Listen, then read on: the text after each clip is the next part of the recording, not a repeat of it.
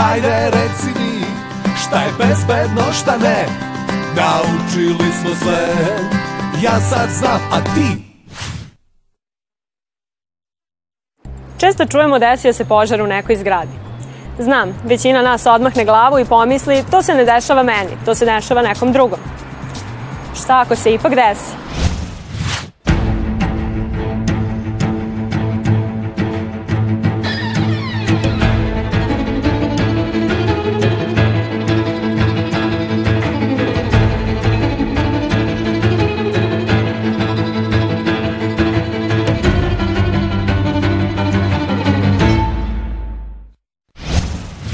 Šta sve može da izazove požar u stanu?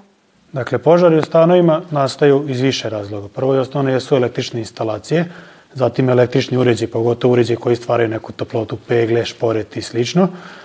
Ručkovi koji se zaborave na šporetima, odnosno kuhinski požari koji nastaju i jednostavno ljudskom nepažnjom, pogotovo kod pušača koji ne, ne ugase dobro cigaretu. Kako da reagujemo ako dođe do požara i da li smemo da koristimo lift? U slučaju požara u zatvorenom prostoru jako je bitno da se ne paniči, odnosno ne smete da paničite. Bitno je da obavestite stariju osobu, roditelju, u slučaju da roditelji nisu kod kuće, treba da obavestite komšije i polako da napustite objekat. Objekat se napušta tako što idete ispod oblaka dima i usput obaveštate sve ostale stanare zgrade kako bi svi napustili zgradu. I zatim se obaveštavaju vatrogasci spasioci na broj 193. I u slučaju požara u zatvorenom prostoru takođe je bitno da se lift ne koristi. Odnosno ne sme se koristiti lift jer može doći do nestanka električne energije i samim tim lift staje. Sam da struju ne smemo da gasimo vodom, ali šta ako gori ulje u tiganju? U slučaju da gori ulje u tiganju takođe se ne sme koristiti voda. Bitno je isključiti izvor toplote ispod tiganja i poklopiti ga. To se može uraditi samim poklopcem od tiganja ili ako nemamo poklopac, da se pokvasi mokra krpa, dobro iscedi i prebaci preko tiganja. Na taj način smo sprečili dotok kiselnika do vatre i vatra se gasi. Ako vidimo da dim dolazi iz hodnika, a ne možemo da izađemo iz stana, šta da radimo? U slučaju da dim dolazi sa hodnika, bitno je da zatvorite vrata i ostanete u stanu. Vrata obložite mokrim krpama ili ćebetom da dim ne bi mogao da uđe kroz otvorena vratima. I onda izađete na terasu ili ako nemate terasu, telefonom obavestite vatrogasce spasioce u kom stanu i na kom spratu se nalazite. Šta ako počnemo da kašljemo od dima? U slučaju da počnete da kašete od dima, obratite se najbližem vatrogascu spasiocu ili ekipi hitne medicinske pomoći. Kako da smanjimo mogućnost da do njega ne dođe? Smanjenje mogućnosti da nastane požar u zatvorenom prostoru jeste podizanje nivoa svesti, odnosno prilikom odlaska iz kuće, odnosno stana, dobro proveriti sve uređaje, ne ostavljati ručak da se kuva, u slučaju da ima pušača, dobro ugasiti cigarete i tek onda se može napustiti stan ili kuću. Da li imate još neki savjet da nam date? Save što se tiče požara u zatvorenom prostoru je upravo prikazan ovde.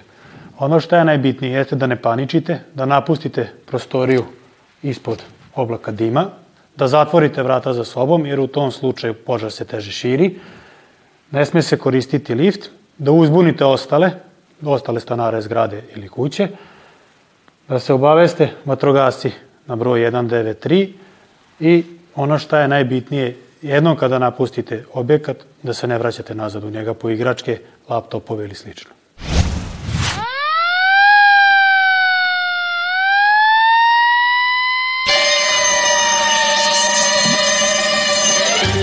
Ukoliko primetite dim ili požar, bez panike, odmah pozovite vatrogasce na broj 193 i dajte konkretne podatke, adresu, sprat i broj stana. Opišite šta je zahvaćeno požarom. Nemojte koristiti vodu da biste ugasili požar na električnim instalacijama i aparatima. Možete biti izloženi strujnom udaru, ni da biste ugasili požar izazvan benzinom ili uljem, jer ove substance plutaju na površini vode i mogu da izazovu širenje požara. Ako je požar većeg obima, napustite stan zatvarajući sva vrata za sobom. U suprotnom će se zbog dotoka svežeg vazduha požar brzo proširiti na ceo stan. Proverite gde su vaši ukućani.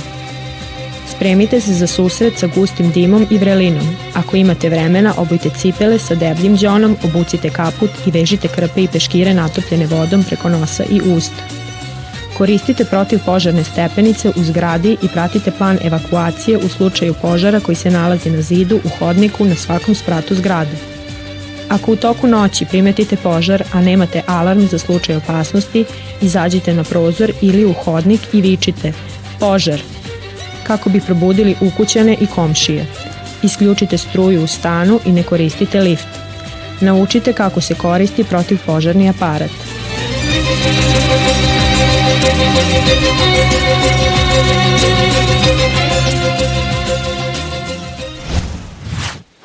Čemu ovo služi? Ovo ovde je stara vatrogasna mlaznica koja je služila za gašenje požara pre mnogo godina. Danas imamo daleko savremenije mlaznice koje nam omogućavaju da imamo razne vrste mlazeva, to je spum mlaz, da raspršeni mlaz, čak i da napravimo vodenu maglu za gašenje požara. Šta je ovo iznad šlemova? To iznad šlemova su stare merdine, odnosno takozvane krunjače, pomoću kojih su vatrogasci ranije su se mogli da se penju na krovove bez da padnu. Ima taj ravni deo koje što vidiš, koji se jednostavno zakači za krov i ne mogu da sklisnu. Čemu ovo služi? To, to je stara vatrogasna sirena pomoću koje su davali uzbunu. Jednostavno su uzeli i vrteli, onda su znali da nešto gori. Ne znam da li znate da je osnivač vatrogasnog društva u Novom Sadu Laza Kostić i da postoji ta jedna jako dobra saradnja između nas i dobrovoljnih vatrogasnih društava, gde se javlja ta solidarnost i želja za pomoći i da imamo jako dobru saradnju na raznoraznim požarima. Požar je realna opasnost, u kojem se pored materijalne štete može izgubiti i život. Zato je vrlo važno da znamo šta treba raditi u takvim situacijama. Znanje je osnova bezbednosti. Ja sad znam, a ti Hajde reci mi Šta je bezbedno, šta ne? Naučili smo sve. Ja sad znam, a ti